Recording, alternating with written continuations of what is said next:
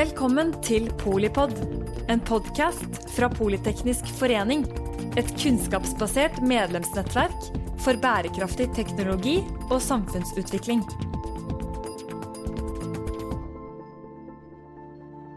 Det er herlig å kunne ønske velkommen til Forspill under Oslo kulturnatt, som er eh, eh, det første av eh, de årlige vorspielene under Oslo kulturnatt som skjer hos Politeknisk forening. Det er eh, på tide med en rundebordssamtale hvor eh, vi skal snakke om eh, det ene og det andre. Temaet er om vi har kultur for teknologi, og om eh, teknologien er her for kulturen. Spørsmålstegn. Det er jo eh, veldig stas å ha selveste kultur- og likestillingsministeren her. Så vi er eh, beæret eh, med det, og gleder oss til å høre om eh, liksom, ditt syn på de sakene. Og så har vi jo da presidenten vår, det betyr styreleder, Silvia Ceres, som har liksom te teknologibakgrunnen, først og fremst. Og så har vi da to mediekarer. En fra det viktigste samarbeidspartneren til Politeknisk forening, nemlig Teknisk Ukeblad. Sistemann er eh, junior på laget, sånn sett, men, eh, men har jo eh, gjort Skal vi si skapt opptur igjen for Medier24. Så det er artig å høre hva dere fire mener om dagens tema. Og med det så gir jeg ordet til Silvia, som er samtalelederen. Dette er et podkastopptak i tillegg. Så, så pass på liksom hva man sier, ikke sant? Tanken er egentlig nå at vi rett og slett starter med at uh, statsråden gir sine innledende refleksjoner til dagens tema. Og så går runden rundt bordet med, med ditt og til eh, innspill. Og så flyter det fritt. Vær så god. Velkommen, statsråd. Da tror jeg rett og slett vi begynner med å høre om digitalisering fra den siste kulturmeldingen. Ja, i kulturmeldinga er jo digitalisering en av de store eh, temaene som vi løfter opp. Fordi at jeg tror jo, eh, og det er vel ikke akkurat eh, rocket science, å si at digitaliseringa kommer til å påvirke kulturuttrykkene masse framover. At Norge er et land der vi ligger ganske langt framme i bruk, men vi ligger ikke alltid like langt framme i å tjene penger på det. Eh, vi, vi, tar i bruk teknologi mye, men vi er ikke like gode til å å utvikle den sjøl og utvikle nye bruk av den. Men det er sånn at eh, jeg tror kanskje alle statsråder kan se det, men, men det finnes ikke ett felt på mitt område som ikke er påvirka av digitaliseringa. Eh, mediepolitikken har vært Altså, alle medier har vært liksom en rivende utvikling de siste årene. Det pågår fortsatt. Det pågår fortsatt store endringer i mange redaksjoner og måter å jobbe på. Ehm, og når jeg jobba som frilansjournalist, så, så, skrev vi manus på sånn gjennomslagsark på skrivemaskin. Jeg måtte huske på hvem vi hadde tatt bilde av, fordi vi sendte jo bare filmen og så en bildetekst. Eh, og så måtte jeg ned til bussen som gikk til Namsos, for det var der trykkeriet var, eh, for å sende av gårde den konvolutten med film, bildetekst og gjennomslagsark. Eh, og journalistikken er jo ganske annerledes nå, og den er mye mer effektiv. Så når alle snakker om at vi går, har mista mange journalister, så ja, det har vi gjort. Men det er mye mer effektivt å, å drive journalistikk innenfor ny teknologi også, selvfølgelig. Eh, så er det kunstformidling. Det perspektivet som ligger i kulturmeldinga, er jo at, at teknologien har en demokratiserende kraft i seg sjøl. Eh, fordi at det som før ble opplevd av noen få, F.eks. dem som gidder å bruke en fredagskveld på Politeknisk forening, kan nå oppleves av mange fordi at man har en podkast som gjør at eh, du kan se det når du står i kleskjelleren og vasker klær en annen kveld du har ledig. Eh, og i dag er det sånn at eh, jeg kan gå på Frogner kino på nyttårsaften og oppleve de beste symfoniorkester i verden streama rett til den kinoen. Eller jeg kan eh, abonnere på Berliner Filharmonikerne på min egen Apple TV og ha et fast sete hos Berliner Filharmonikerne. Vanligvis er det noe du opplever kanskje én og to ganger i livet, sjøl om du er interessert i klassisk musikk. Nå er det en Altså det er en svær demokratisk tilgang på den kunsten og kulturen. Det er grunnleggende bra. Eh, når jeg drev ungdomsklubb i Trøndelag på 80-tallet, så, så, sendte vi to av tre gutter med buss til Trondheim for å kjøpe plater. Nå har du en tilgang som er helt annerledes på musikk.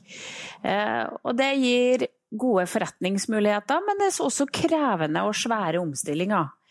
Så, så, og, og, grunnen til at denne ligger her, er ikke bare fordi at Venstre ble stifta i 1884, men det er også fordi at nå digitaliserer vi veldig mye av det som er kulturarven vår, og gjør den tilgjengelig. Vi har et nasjonalmuseum, en Nasjonalbibliotek, som er i front på digital, eh, digitalisering av vår kulturarv. Vi er et av de landene i verden, om ikke det landet i verden, som digitaliserer mest av kulturarven vår. Eh, og vi bruker kunstig intelligens på å gjøre den søkbar og, og formidle den til folk. Eh, så alt dette her er, er svære endringer. Vi ser at vi får også nye kulturuttrykk, som f.eks. spill. Jeg bestemte meg jo når jeg ble kulturminister, at nå har jeg fått så mye drit for at jeg spiller spill, så da skal jeg sannelig få kreden for det òg. Eh, og, og, nå har vi lagt fram en, en egen eh, strategi for spill, eh, som heter Spillerom og som er mottatt ganske bra. Eh, både fordi at vi ikke framstiller dette som en sykdom som er i ferd med å ta en ungdomsgenerasjon, men at det faktisk er ferdigheter. Eh, det er måte å bygge næring på. Det er et svært næringspotensial som Norge ikke har fått ut, som bare nabolandene våre tjener milliarder av kroner på. Men, men det er også en måte å lære på. Så veldig mye av læremateriellene framover kommer til å være bygd på spill. Eh, tankegangen. Vi har eh, og, og, det er også ferdigheter. Det er klart at eh, Jeg tror ikke jeg røper så mye forsvarshemmeligheter nå, da, men når vi kjøper nye jagerfly nå, så, så ligger nesten all teknologien i hjelmen til den flyveren. Og du får eh, du får informasjon i flere lag som du skal prosessere, og alt den informasjonen skal prosesseres i løpet av mikrosekunder og ende i fingrene dine i det du skal gjøre. Da er ikke 60 meter så viktig lenger. Det er viktig fordi du må ha en hjerne som funker og sånn. Det må gode gamere gjøre òg. Men da finner du de gode jagerflypilotene finner du ikke noe bare på idrettsbanen. Du finner dem på TG og på LAN-spill. Dette er kompetanse for framtida. Jeg bruker å si når alle sammen som snakker om sånn lavkompetanse Jeg var på, jeg var på et sagbruk i Hardanger for litt siden. Et bitte lite sagbruk to ansatte inne i sagbruket. To gutter med hver sin eh, to joysticks. Og i løpet av sekunder så ruller de inn en stokk, og i løpet av sekunder skal de vurdere hvordan de maksimerer inntjeninga på den stokken. Altså hvordan skal den sages for å få mest mulig penger for den. Og det gjør de med to joystick. Det er klart at spillkompetanse er, er viktig for de gutta. For å ikke kalle det lavkompetansearbeidsplasser. De har i løpet av noen mikrosekunder skal jeg maksimere fortjeneste. Det, hadde jeg hatt, skulle ansatt sånne, så hadde jeg ansatt dem som var skikkelig gode i spill. Så, så dette, dette, er liksom en ny verden som, eh, som åpner seg. Da må infrastrukturen være god og alt det som ligger der til rette, men jeg tror ikke vi har sett verken næringspotensialet eller kulturformidlingspotensialet som ligger i det. Vi, vi, er kjempegode på å ha eh, mobiltelefoner vi bruker mye og kan å bruke og utvikle, men, men vi er jo helt urland på elektroniske bøker. Nå fjerna vi momsen på elektroniske bøker 1.7. Håper jo det tar av. Men altså, hvis vi blir hengende etter, sånn som musikkbransjen gjorde Musikkbransjen kjempa imot teknologien veldig lenge fordi at de skjønte at plateselskapene kom til å miste makt. Det gjorde plateselskapene. Men de mista enda mer makt fordi de kom med det som på trøndersk heter rumpa først. Du må gå med hodet først inn i sånne ting, og ikke gå baklengs inn i, i de utfall. Endringsprosessene er der uansett. Du må bare være offensiv i hvordan du skal utvikle dem. Det var fem minutter jeg hadde, ifølge klokka mi. Nå snakka jeg fem minutter og 30 sekunder. Eh, det er veldig mye mer presis på tid enn det jeg noen gang kommer til å klare å være. Eh, jeg har lyst egentlig å høre litt med både Jan og Erik. Um, Jan, er det sånn at alt er tilgjengelig og ingen bryr seg lenger? Nei, det tror jeg ikke. Hva gjør alt dette her med vår evne til å forbruke kultur og kunnskap? Jeg tror at du må dele det. Én ting er etterspørselen, altså vi som forbrukere, da. Det andre er tilbudssiden. Dette høres veldig sånn næring ut, ikke sant. Etterspørsel og tilbud. Ikke snakk i altfor sånne Nei, businessord. Men, men eh, jeg syns egentlig et godt eksempel er musikkbransjen, som du nevnte nå sist. da. Når En ting er plateselskapene, en annen ting er artistene. Dette har jo også gitt muligheten, Teknologien har gitt muligheten til at artistene tar mer grep om sin egen hverdag, sitt eget produkt, sine egne rettigheter. Men det vi ser, er jo at det er litt sånn tilbake til fundamentale ting, da. Nå må jo artistene faktisk ut og spille fysisk for oss for å tjene penger. Vi har aldri hatt et bedre tilbud, selv i Norge, av verdensstjerner som til og med nå må hekte Oslo eller andre Bergen eller whatever på kartet fordi de skal ut og tjene penger og bli synlige. Fordi disse platene virker ikke lenger. Ikke? Du har blitt kvitt et slags distribusjonssystem som var i noen grad oligopolisert, eller hva det heter for noe. At det var noen få aktører som hadde grep på dette. Og jeg syns det er litt viktig da, at selv om ting har blitt så teknologiorientert eller digitalisert, så er det på noen områder blitt, det har blitt veldig fundamentalt. Jeg vil se Pink i Telenor Arena. Og jeg vil ikke se en avatar av Pink, jeg vil Nettopp. se hun rære som svetter Nettopp. og Jeg vil være der og se det. Eh, Jeg var på Chris Christofferson. Det er for øvrig ikke noe å gå og se på, han sto helt stille. Men eh, Kanskje ikke så rart. Var det men- noe å høre på? Men selv han da, må i en alder av 84 ut og spille på turné Det er lov å stå stille når du er 84. Ja, men det er Ja. lov. Men, men poenget er at de gamle platekatalogene gir ikke han lenger den inntekten da. Mm. Og jeg tenker på at dette er jo, nå er jeg veldig på ett tema, Ja. men det er faktisk en god side av det. Disse her eh, styrtrike folkene der borte, eller tidligere da, kunne leve på å spille en plate i året og turnere for å promotere en ny plate i to måneder. Nå må de være på veien hele tiden. Aldri vært mer gode artister tilgjengelig fysisk for oss noen gang enn Ja. det det er nå. Og det er teknologiens utvikling som har ført til det. Det er litt sånn spennende hvordan alt dette endrer eh, måten eh, Altså hva som er viktige evner.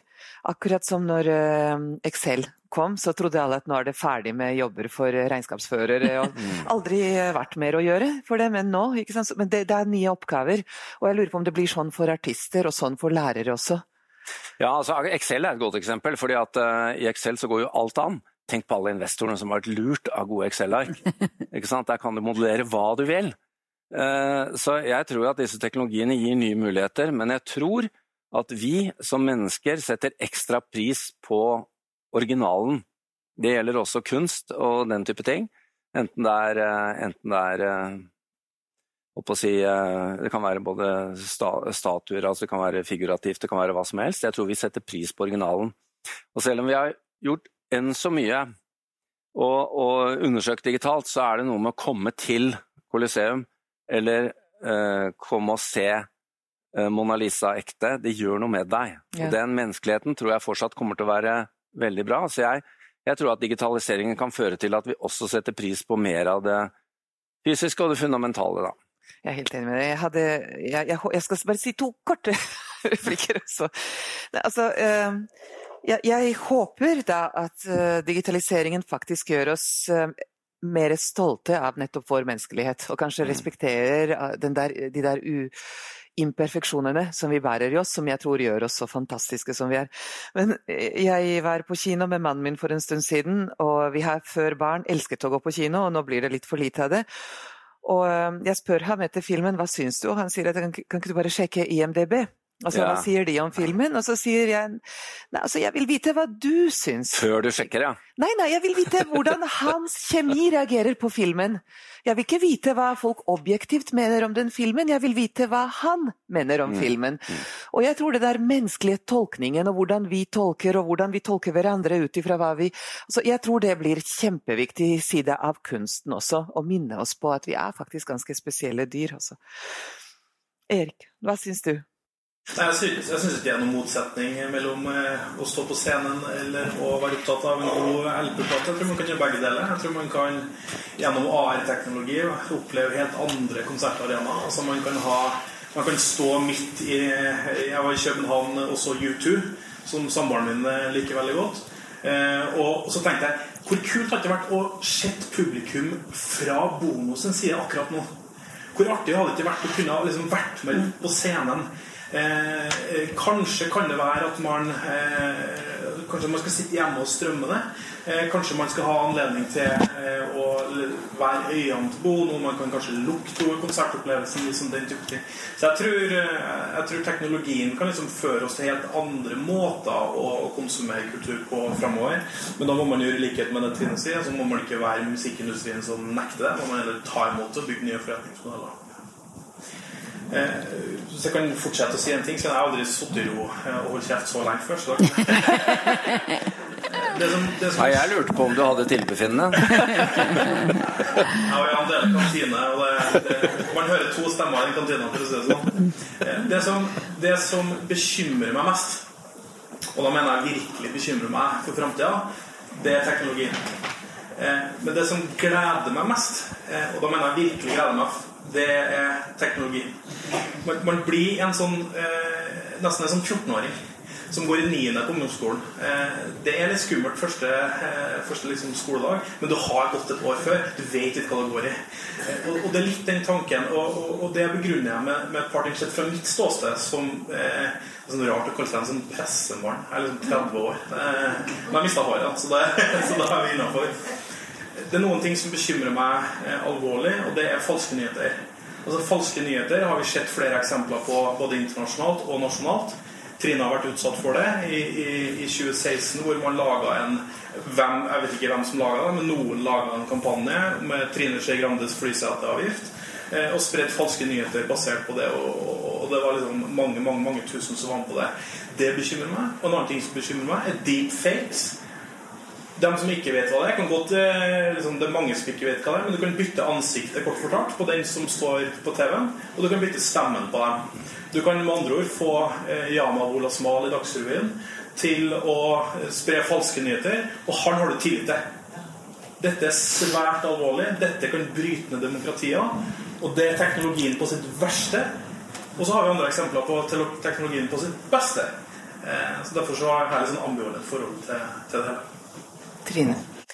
Jeg er jo helt enig i det. Bruke, det er som en kniv. Du kan bruke den enten til å gjøre noe konstruktivt eller noe skikkelig skikkelig seriøst destruktivt. Så, så det, teknologien kan man ikke ha mening om sånn generelt. Men det jeg tror utvikler seg, i hvert fall på kulturfeltet, er jo at, at uh, vi gjør mange kjedelige ting mye kjappere, men vi liker fortsatt de lange tingene. Mm. Altså, uh, bibliotekene i Norge, for eksempel har eksplodert i antall foredrag.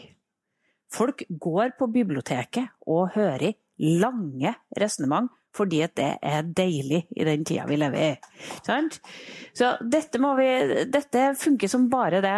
Og jeg merker jo med meg sjøl at du går på konsert, så går du liksom for å nyte musikken, og så bruker jeg Spotify til å lage lister. Jeg hører jo knapt en sang ferdig, for jeg sitter og lager lister hele tida. Og da kommer jeg på en ny en, og så kommer jeg på en ny en. Så, så, vi bruker teknologien forskjellig. Noe kjappere og noe Det, det slo meg her om dagen jeg var besøkte DNB. Når jeg var i åttende klassen, så var jeg utplassert som utvekslings... Eller sånn eh, arbeidsuke hos eh, banken i Namsos. Eh, da brukte jeg ei uke på å sortere sjekker. Veldig spennende. Det, det er akkurat like mange ansatte i bankene nå som det var når vi satt og sorterte sjekker. Eh, men de gjør helt andre og forhåpentligvis utrolig mye morsommere jobber eh, innenfor finansnæringa vår. Så det er jo ikke, det er ikke sånn at dette er en trussel. Og så tror jeg at åpenhet og deling er viktige prinsipper å legge til grunn. Og jeg kan innrømme at jeg har brukt de siste dagene på å finne ut hvorfor det i helsike et liberalt parti i Norge kan tape et valg. Og en av de tingene er det som du snakker om i forhold til sånn fake news og alt det som skjer. For det du merker når du står på stand i valgkampen nå, er hvor utrolig mange sånne Alt fra de store, men også de bitte små konspirasjonsteoriene som oppstår, og som sprer seg som ild i tørt gress. Om korrupte rådmenn og alt mulig sånn. Og jeg tenker liksom, hva er vaksinasjon mot dette? Jeg tror jo for det første at det er mer åpenhet.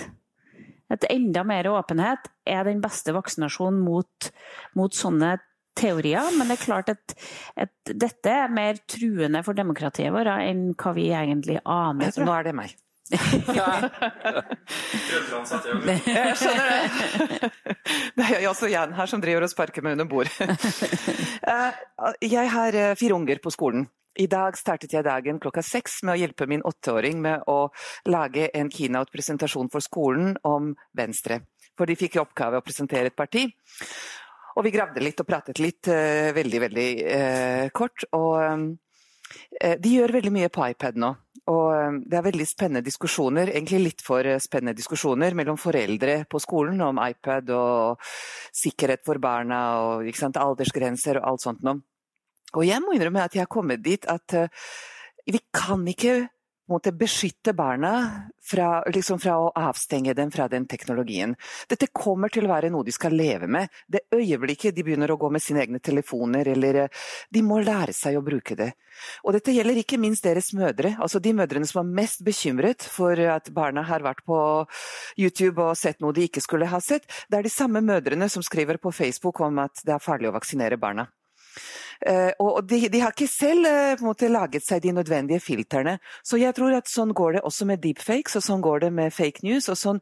Også, vi kan ikke stoppe det, fordi det er noen kommersielle krefter der bak det, og det er noen politiske krefter bak det også. Men jeg tror vi kan håndtere det med opplæring og utdanning av folket. De må lære seg å sjekke kildene. De må lære seg å stole på noen kilder og, og, mindre på Det er nettopp derfor dere er nødvendige for fremtiden. For at dere publiserer ting som er ordentlige. Ikke sant? Og det er der NRK spiller en kjemperolle for fremtiden. Så det er litt på en måte der jeg tenker at uh, det, det er ikke sånn at vi kan bare skru tiden tilbake, og nå vil vi ikke ha mer internett, for det brakte med seg noen mørke sider også. Nå er det sånn at vi må alle sammen finne ut av de nye problemene. Jeg tror du har helt rett. og jeg tror En ting som er ganske viktig, viktig her altså, eh, Hvem er det som sprer konspirasjonsteorier på internett? Eh, jeg, har en, jeg har en lillebror. Eh, I Trøndelag så har vi en lillebror eh, som er en akkeplatt på tolv år. Faren min fant seg yngre kone. Eh, og han sprer Det har ikke noe med internett å gjøre. jo, det kan jeg. Eh, men han, hans generasjon vokser opp i en helt annen skole enn hva jeg gjorde. De vokser opp i en helt annen skole enn hva du gjorde. Eh, der er kildekritikk på agendaen i mye større grad enn hva det var eh, på, på den tida. Eh, jeg hører ikke at det er unge folk som sprer konspirasjonsteorier i historien. Jeg hører det liksom fra de eldre generasjonene. Og jeg ser det, for jeg dypdykker i de her kommentarfeltene hver eneste dag. Eh, og, og, det bekymrer meg. Og vi, altså, vi, trenger ikke å snakke abstrakt om det. Jeg kan si det her og nå. Det fins mange eksempler på det i Norge. Vi har et nettsted i Norge jeg har ikke lyst til å si navnet på det som deler veldig mye. Vi vet flere titalls tusen artikler distribuert av Norsk Telegrambyrå. Det gir dem troverdighet. I den samme miksen så plasserer de politisk aktivisme og later som det er journalistikk. De kaller det journalistikk. Det er det ikke. Ikke tro på det. Eh, på den måten så klarer man etter hvert å, å skape en tanke og tankemønster for enkelte politiske tanker eh, som ikke eh, er liksom uhilda i henhold til Vær varsom-plakaten. Det bekymrer meg. Så, så, Man kan ikke liksom snakke om falske nyheter som noe som er der ute. Altså Det er Norge. Det påvirker oss hver eneste dag. Går, uh, hvis du har en kort replikk på fake news, så kan vi ta det. Men jeg har innmari lyst til å spørre dere hvorfor trenger vi kultur i en uh, ja, men jeg supereffektiv tid? Bare noen kjappe kommentarer på det som allerede har skjedd. okay, og så går vi over på Fordi uh, jeg pleier å bruke eksempler når det gjelder ny teknologi. så La oss si jeg hadde sittet her i dag da dere var, jeg skulle pitche for dere at jeg skulle starte et nytt selskap, og det ikke fantes fra før, at jeg skulle begynne å produsere fyrstikker. Da er jeg sikker på at dere hadde ropt nei. Her kan folk gå og kjøpe noe i butikken og starte ild. Ikke sant? Det var i sin tid en ny teknologi. Det er helt ufattelig at vi kan gå inn i butikken og kjøpe fyrstikker og kunne tenne fyr på alt mulig. Altså, vi lærer å leve med nye trusler, tenker jeg. Og så, uh, Trine, til dette med hjelmene til F-35. Jeg syns også det er verdt å tenke på at sånne prosesser har en tid, da. Fra beslutningen ble tatt i Stortinget til å kjøpe F-35-flyene, til det er i operativ virksomhet, så har det gått 17 år. 17 år! Når vi tar noen beslutninger, så aner vi ikke omfanget av hva vi får levert 17 år etterpå. Dette gjelder spesielt Forsvaret. Ikke bare, men det gjelder spesielt. Så, men Jan, der må jeg stoppe deg. Altså. De flyene er jo så utrolig fleksible at uh, ja, innholdet jeg, jeg, er jo super Jeg sier ikke at det var en feil beslutning. Okay. Jeg sier bare at du må, du må, noen ganger tro på at teknologien skal bringe deg produktet. Jeg sier overhodet ikke at det var feil beslutning. Jeg bare tenker på at det er egentlig utrolig risikofylt. da. Beslutte noe, så er det 17 år før det er operativt. Og så tenker jeg at uh, vi er ikke utstyrt som menneske med DNA eller egenskaper til å håndtere den teknologien vi blir flommet over av nå. Det er jo klart at dette blir krevende. Men eh, jeg vil mye heller ha disse teknologiene kommende enn ikke. Og så må vi lære å leve med det. Da. Og jeg tror dette med det å stole på, og det å ha noen trusted sources, sånn at du ikke ender opp med fake news, det er kjempeviktig. Og det, det forsøker jo eh, både Erik og jeg ja. i våre virker til å bidra til, og jeg håper eh, det har en kjempeeffekt. Ja. Trine, man sier at teknologien utvikler seg så raskt, mens vår forståelse er sakte.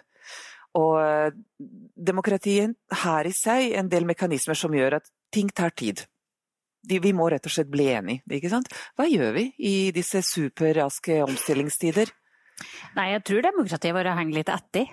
Uh, og det, det, kunne jeg holdt et langt foredrag om, men det er klart at Gi oss uh, en, en, kort nei, men, det, men, det, er klart at i den medieverdenen vi er i dag, så er det de korte resonnementene og de store overskriftene som når fram. Uh, og, det, og jeg mener, mitt, mitt, råd og ønske for, for mediene våre er at when they go low, we go high. At nå er virkelig tida for å løfte de journalistiske idealene. At vi ikke, det ikke bør være stilt spørsmål med om hvorvidt nyheter er riktig. Og det hender jo at jeg kan også stille spørsmål ved, ved nyheter i, i i aviser med stor kred. Og, og, det bør man liksom prøve å unngå mest mulig. Bare, nå er det bare en morsomhet, men jeg sitter jo med den 1884-boka, apropos ny teknologi, og her er det da en egen artikkel om farer ved elektrisk belysning. Men, Bare i Teknisk Ukeblad. Men, eh, men, det er også en artikkel om Nord-Norgebanen, så det er jo ikke alt som går framover heller.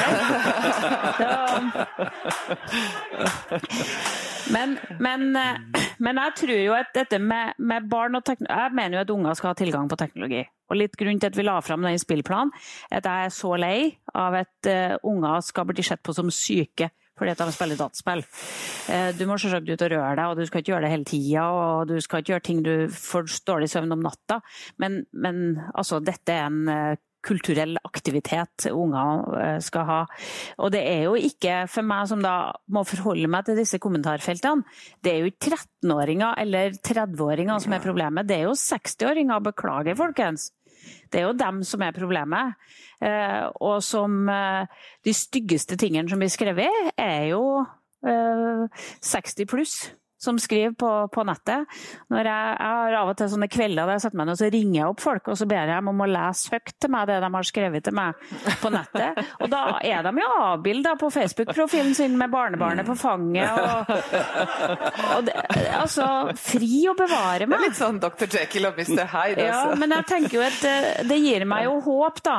Ja. Om at det kommer en generasjon som skjønner at det de skriver Les vennene dine mm. som om du har hørt at du har sagt det ved det bordet du satt. Det er en ny transparens rett og slett ja, som de lærer det, å leve med. Og det er det mange gamliser som ikke skjønner, altså. Jeg er helt enig. Jan, du vil si jeg, jeg tror dette, er, dette, har en oppdragende effekt, og jeg tror ikke det er mange som Alle tenker ikke over det. Når du blir eksponert for det, så toner de det ned. Det er veldig bra hvis du tar det rett og slett og tar den personlige dialogen.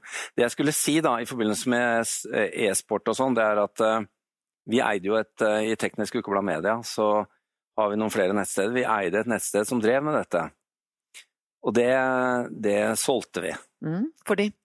Counter-Strike består av blod og kroppsdeler i gatene.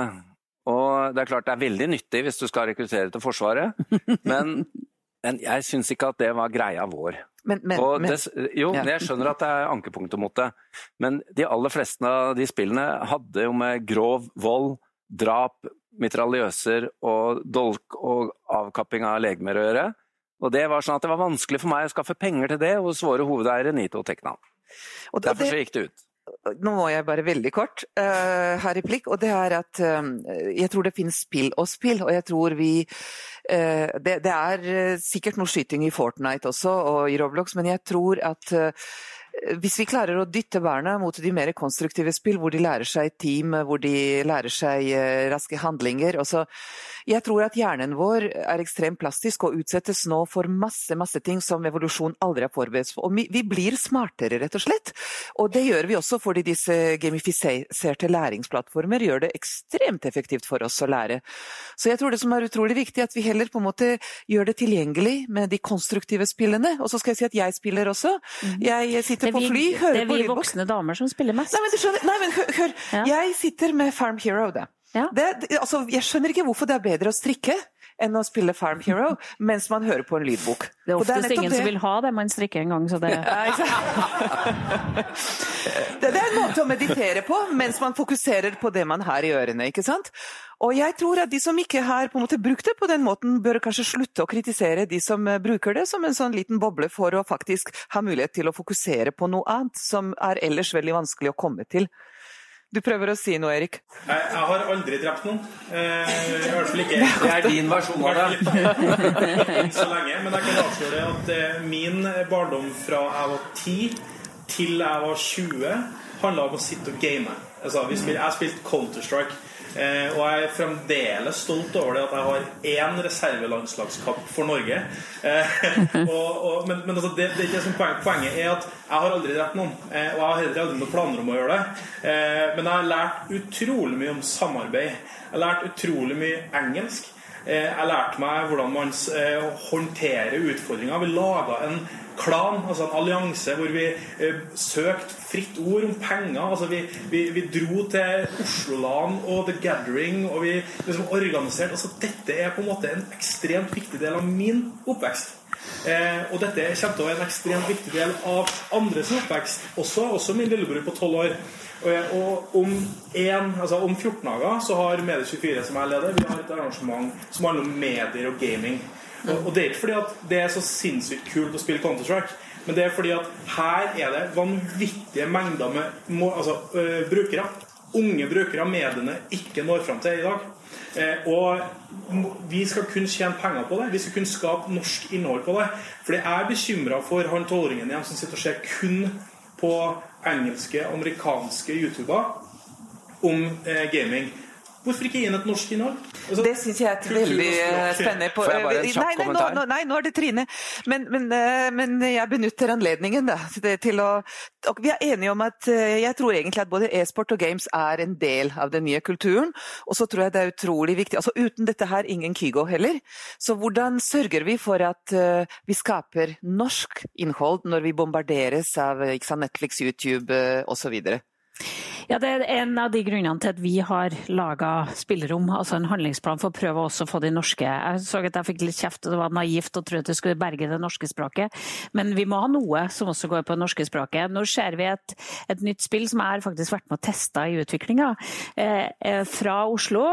Som er et nytt mobilspill, som er, som er sånne som jeg og du spiller i. Eh, som er et sånn skatespill.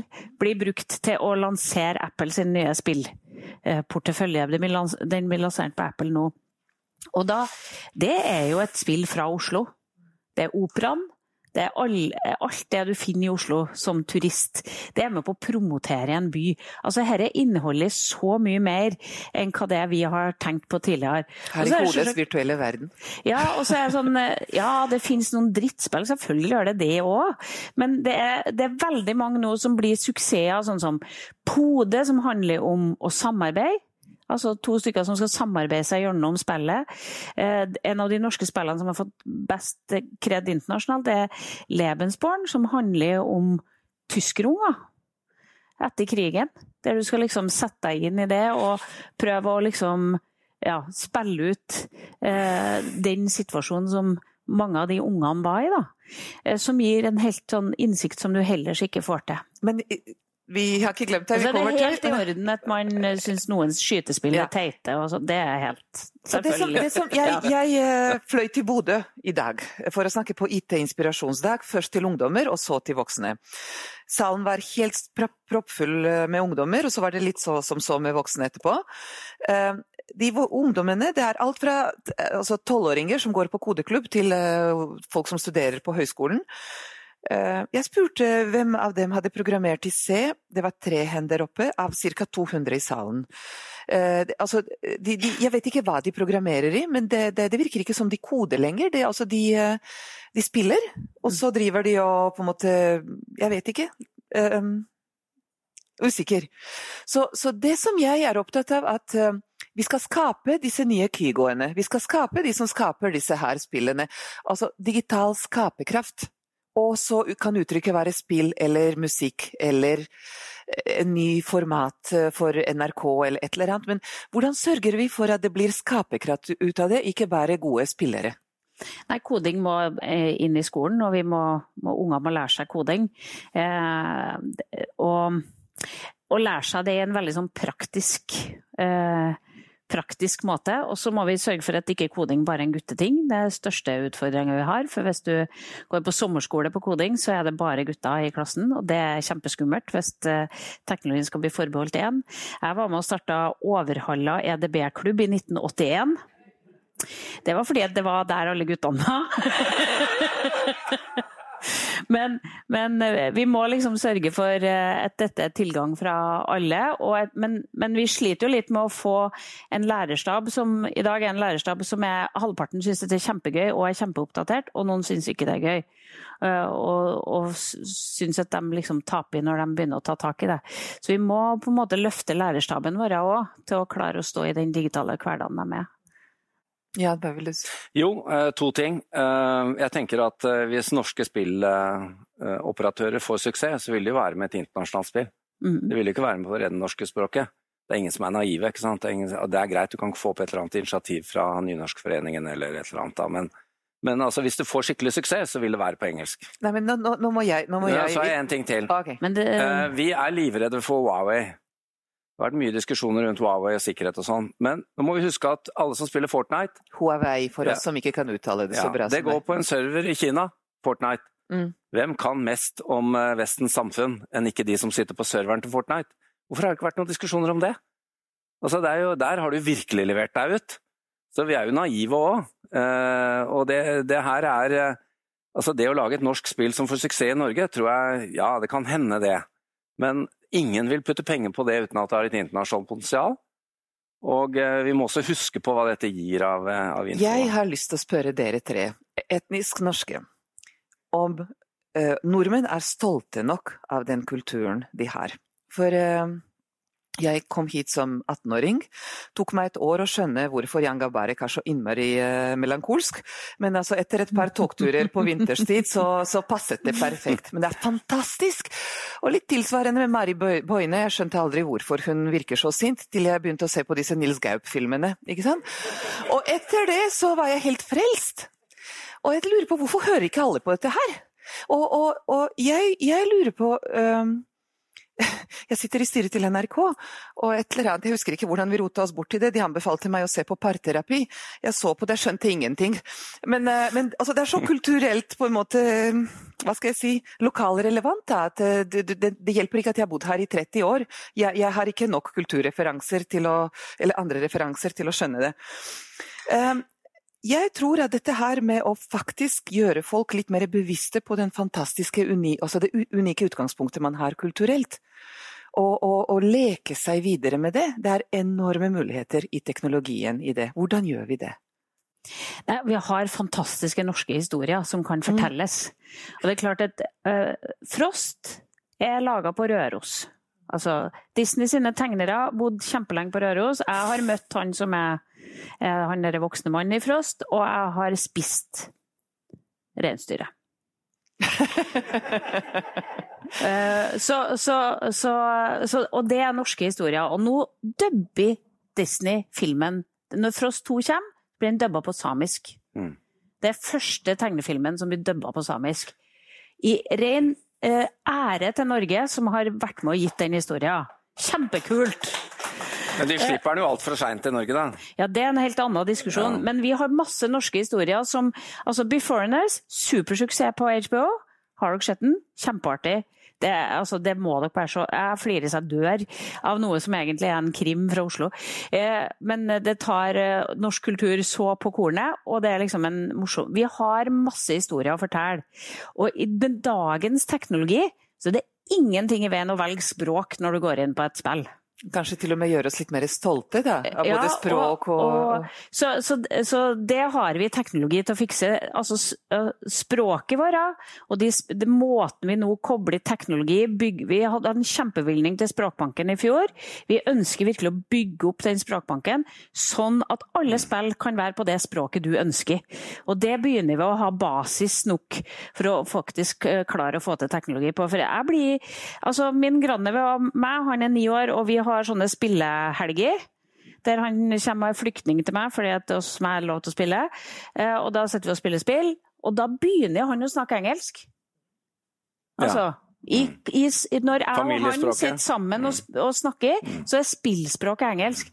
Eh, det er kjempebra at han lærer seg bra engelsk, men det kan ikke være sånn at en så viktig del av barn og unges oppvekst er på et annet språk enn norsk.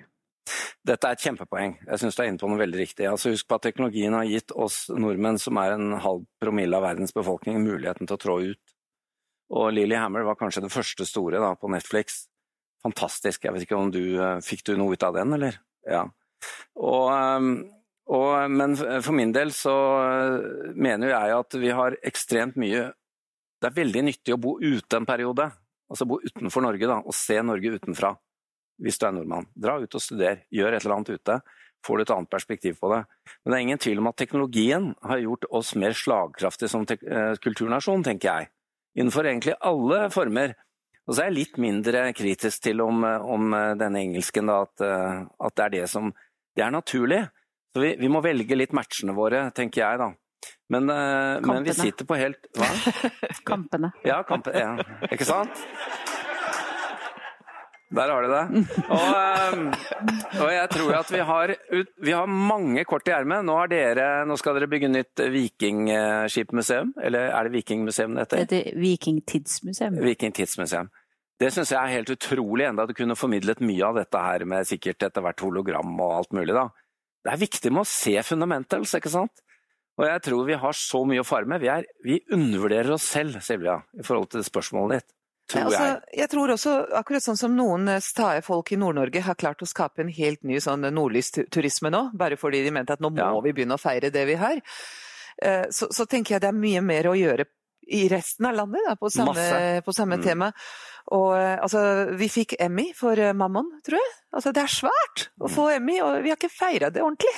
det sånn, så, så altså, nordisk drama best i verden. Eh, det, det, jeg, jeg, jeg, er kjempebegeistret for NRK med hvordan de måtte skape nye effektiviteter. Fordi de fant ut at Skam skal gå parallelt i strømming og sosiale medier, så måtte de bare finne ut hvordan den skal produseres tre ganger raskere enn vanlige serier. ikke sant? Fordi de skjønner at de blir overkjørt av Netflix og YouTube på ungdommer, så måtte de lage innhold som er spesielt relevant. Og fordi de ser at vi, vi, vi drukner i ekkokamrene våre, så må de begynne å tenke helt nytt rundt disse kringkastingsalgoritmene. Hvordan skal vi alle få informasjon vi bør få for å ha en felles opplyst samtale videre? Det, det, er kjempemange nye, nye måte, eh, sånne strømninger her som de må forholde seg til. Og, og jeg tenker at mange i mediebransjen tenker også nytt i Norge, men, men, men vi må begynne å på en måte være litt mer stolte av alt det nye vi klarer å få til. Trine, du har prøvd å si noe? Nei, jeg, jeg, jeg, tror jo at vi må både lage grunnlaget for de nye forretningsmodellene, mm. sånn at det går an å tjene, tjene penger på det òg. Og husk på, hvis du tar musikkbransjen, vi er fjerde største popnasjon i Europa. Ja, altså, det er et stykke når, når, jeg, når jeg var lita, så var vi liksom kjempehappy fordi at a-ha har bodd på hybel i London og fått solgt noen plater mm. i utlandet. Altså, nå er det en helt annen verden vi står oppe i, og det er jo fordi at vi har brukt Eh, teknologiene, markedene, og jobba helt annerledes med å utvikle næringa på dette. Og det kjipeste med å være kulturminister er jo at folk blir livredde hvis noen påpeker at det faktisk går an å tjene penger på det. Eh, da er man superkapitalist, men, men, det er ikke noe motsats mot å faktisk kunne tjene penger på de kulturuttrykkene som vi skaper, da. En kort replikk fra dere to, og så har jeg veldig lyst til å ha eh, en eller annen slags avsluttende replikk om uh, kultur versus teknologi, eller uh, er det pluss eller er det minus mellom dem? Vi snakker om forretningsmodeller. Altså vi, det er ikke journalistikken nødvendigvis VG tjener penger på, hvis du ser veldig deduktivt på det. Det, om, det er brukeren man tjener penger på. Altså det at, jeg, at Skipsted vet at du er den du er, og du er interessert i de her tingene. Det er den dataen de tjener penger på, fordi da kan de gi deg annonser som passer deg. Nøyaktig det samme forretningsmodellen kan du bruke på spill. Eh, så bare man bruker liksom, eh, Bare man tar spillene på alvor og skaper norsk innhold gjennom spillene. Det tror jeg vil sørge for at både spillene blir bedre, eh, vi, bruker, vi slipper å få danske tilstander hvor man snakker engelsk istedenfor norsk. Eh, og jeg tror at man kan være med Det er fordi de skjønner ikke hverandre når de snakker dansk, kanskje? eh, men, men, her tror jeg NRK er ekstremt viktig. Eh, og en ting som irriterer meg med folk som snakker, Nå har dere fjerna lisensen, da. Men det som irriterer meg Jeg jobba i NRK før, og det er når folk snakker om Å, hersens lisensen Jeg ser ut på NRK uansett. Nei, nei. Men snakker du norsk? Er du opptatt av norsk kultur? Den største, kultur, altså den største garantisten for at språket utvikles og integrering og den type ting, er jo nettopp det at vi har et NRK her. Eh, og NRK skjønte noe for noen år siden hvor man begynte å lage innhold på norsk. Min samboer i dag, hun er lærer, de ser Supernytt hver eneste dag. Det er helt fantastisk. Og elevene hennes de vet mer om hva som skjer, enn broren min, som er 22. Og min seksåring har sett Den magiske kroppen fem ganger, liksom eh, hele runden. Helt fantastisk. Ja. Jeg må jo bare ta sånn der uh, ingeniørfokus på det med språket. Da. Fordi uh, danskene bruker 40% mindre energi enn oss når de snakker. Det, som, det, det blir ikke ordentlig formulert, bare renner ut. Det er et faktum. Men jeg er helt enig, vi må la folk tjene penger. Og her tror jeg en av det er en av de store utfordringene våre er at vi skal disse de som tjener penger på kultur. Samtidig hyller vi jo de som gjør det. Så hva er egentlig den gråsonen imellom? da? Er det noen vi unner det, og noen vi ikke unner det? Mm. Er, altså, hvis du har kommet opp og tjener penger på kultur, så sitter det jo litt å få begge deler. Er det for å hindre at noen andre skal komme opp, eller hva er dette for noe? Det er, altså, når det kommer til stykket, så dreier kultur seg om penger. Selv for de som ikke tjener penger, så er det de skal ha mer. Og det er uh, ikke vi som skal ha nullmoms, da. Det er noe helt annet. Men, uh, men uh, det, det syns jeg er viktig, altså, at vi må, vi må unne folk å tjene penger på det de gjør. Det gjelder for så vidt det hele norske samfunnet, men, men, spesielt innenfor kulturfeltet så skal det være å disse noe. Du skal være så smal og mystisk at det nesten ikke er måte på. Ja, det er greit det, men altså, må, må ikke disse folk som tjener penger på det de gjør, da. Jeg tror det er kjempeviktig. Trine, får vi mer eller mindre kultur med all den nye teknologien? Vi får mer, men vi må også huske på demokratiet vårt og tilgangen på det. Og det som, det som, er viktig å huske på, det er at Kygo er en svær bedrift med 64 ansatte sist jeg mm. snakka med han. Eh, men han sier også at han aldri har blitt Kygo uten Musikkskolen i Bergen. Nei. Så det, dette henger sammen. Du, du, lager grunnlaget for den type bedrifter. Eh, jeg syns det er kjempeartig. Altså, jeg har vært gjennom en valgkamp der veldig mange voksne har sagt at de ikke har giddet å se en partilederdebatt, men der alle, og da mener jeg seriøst, alle barn jeg har møtt, har sagt 'du var på Supernytt-debatt'. Mm. Mm. Alle barna hadde sett det. Så NRK klarer jo Da må du være viktig, hvis du har vært på Supernytt ja. Men du klarer jo å skape en sånn arena som faktisk skaper den type fellesskap eh, ennå.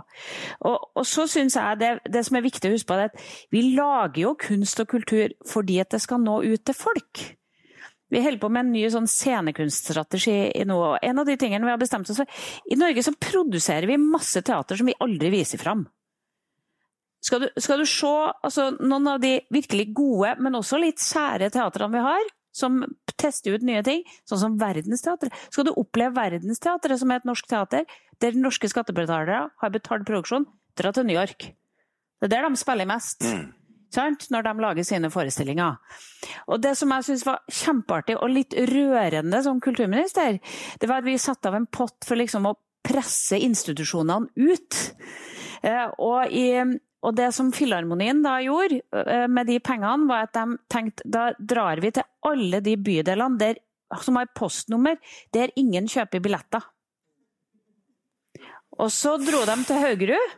Det er skummelt å gå til. Filharmonien. Der sitter alle disse flotte damene og ser veldig mørkt på deg, hvis du liksom ikke er like fin som dem, da. Ja, ja, men i hvert fall de gjorde det, da. Og så må jeg innrømme at jeg kom litt sånn bak, så jeg så ikke helt om det var noen folk der, men jeg så det satt noen oppi i bakken på Høgerud på den første friluftskonserten de hadde. Jeg tenkte jeg kanskje kom med et par hundre, og så kommer jeg ut på scenen, og så er det 3000 mennesker i Groruddalen som har lyst til å oppleve Oslo-filharmonien. Og det er klart, vi bruker ganske mye penger på å ha et godt filharmonisk orkester i Oslo. Da fortjener folk å få høre det. Og det er det jeg mener ligger en sånn demokratiserende kraft i dette, her, å gi flere tilgang. At det er ikke bare en elite som får det, for det er faktisk ikke bare en elite som er interessert. Folk på Høgerud har også lyst til å gå på klassisk konsert. Og det virkelige problemet er jo når utøverne blir litt del av eliten selv. Mm.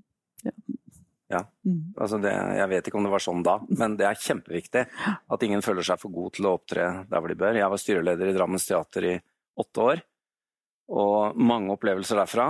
Du må levere det folk vil ha, men noen ganger vil folk ha det du ikke tror de vil ha. Mm. Erik? Eh, nei, altså jeg syns eh, Journalistikk er viktig kultur. Fordi journalistikk eh, handler om demokrati. Journalistikk handler om bæringa av ytringsfriheten. Eh, retten til å mene at eh, du er en idiot, eller du ikke er det. Eh, og jeg tror at vi er nødt til å si to ord om vilkårene for journalistikk. Som jeg mener er en av de viktigste kulturbærerne vi har. For det er klart, Vi kan godt ha gode teater, men hvis vi har en strupa ytringsfrihet, så blir det liksom aldri veldig bra, da, mener jeg. Eh, og jeg tror vi har en del trusler for hvordan liksom, ytringsfriheten blir påvirka i dag. Og jeg tror liksom, eh, bolverket mot det er journalistikk. Dagsordensettende, undersøkende, god journalistikk som, som, eh, som forteller noe at det, der, det du sier nå, det er ikke sant. Eller det du sier, det er sant. Og da må vi ha noen rammevilkår som er gode her. En ting som jeg bare synes er liksom verdt å ta opp i denne, siden vi snakker om eh, liksom, i det konkrete, det er jo nullmomsen. Og jeg mener at liksom, eh, i, I går så kom nyheten om at Teknisk Ukeblad har tilbudt eh, noen sluttpakker internt. Eh, Teknisk Ukeblad leverer journalistikk i dag i jeg mener verdensklasse. Siden 1854. Siden 1854. Jeg er ikke betalt for å si det, jeg mener det. Og så har du eh, Jeg vet at styrelederen i Skipsted sitter i rommet her, men, det, altså, men, altså, men VG leverer Jeg skal si å være veldig kort. VG leverer veldig god journalistikk, men da får du også nullmoms for eh, å skrive om mikropeniser og, og pupper. Eh, det, det er, synes jeg er provoserende, hvor du ser at eh, de aller skarpeste miljøene på militær journalistikk, klimajournalistikk, superviktig journalistikk, de er nødt til å betale moms. Skriver du om pupp eller pikk, da eh, slipper du inn. Jeg Får en tror, øl etterpå. jeg tror Du får kanskje en vi øl stopper etterpå. momsdiskusjonen der. Um, Yes! jeg eh, Vi stopper momsdiskusjonen der, eh, Jan. Nei, jeg skal ikke ta den. Vi Nei, hadde men en, eh, vi skal ikke eh, jeg må, jeg må, Vi har snakket oss så varme at vi har glemt at vi har lovet folk å få lov til å stille et spørsmål. Har vi Nei. fem minutter? Ja, men kan jeg få bare ta Nei. én ting, for det går rett på det du opplevde? Nemlig, nemlig dette med IMDb. IMDb. Jeg sjekker IMDb før jeg har sett filmen. Og jeg tror en av de viktigste tingene innenfor journalistikken er at vi beholder anmelderne Mhm. i avisene. Kunst, kultur. Jeg tror det er kjempeviktig. Jeg vil lese hva en autoritet mener, som kan det, uansett om jeg er enig eller ikke. Veldig bra. Har en plan for dette. Ja. Veldig bra. Da sier vi kjempetusen takk for en spennende samtale om kultur og teknologi hos Politeknisk forening. Takk for at du lyttet til Polipod fra Politeknisk forening. Få med deg flere episoder, eller bli med på nettverksmøtene som du finner på at polyteknisk.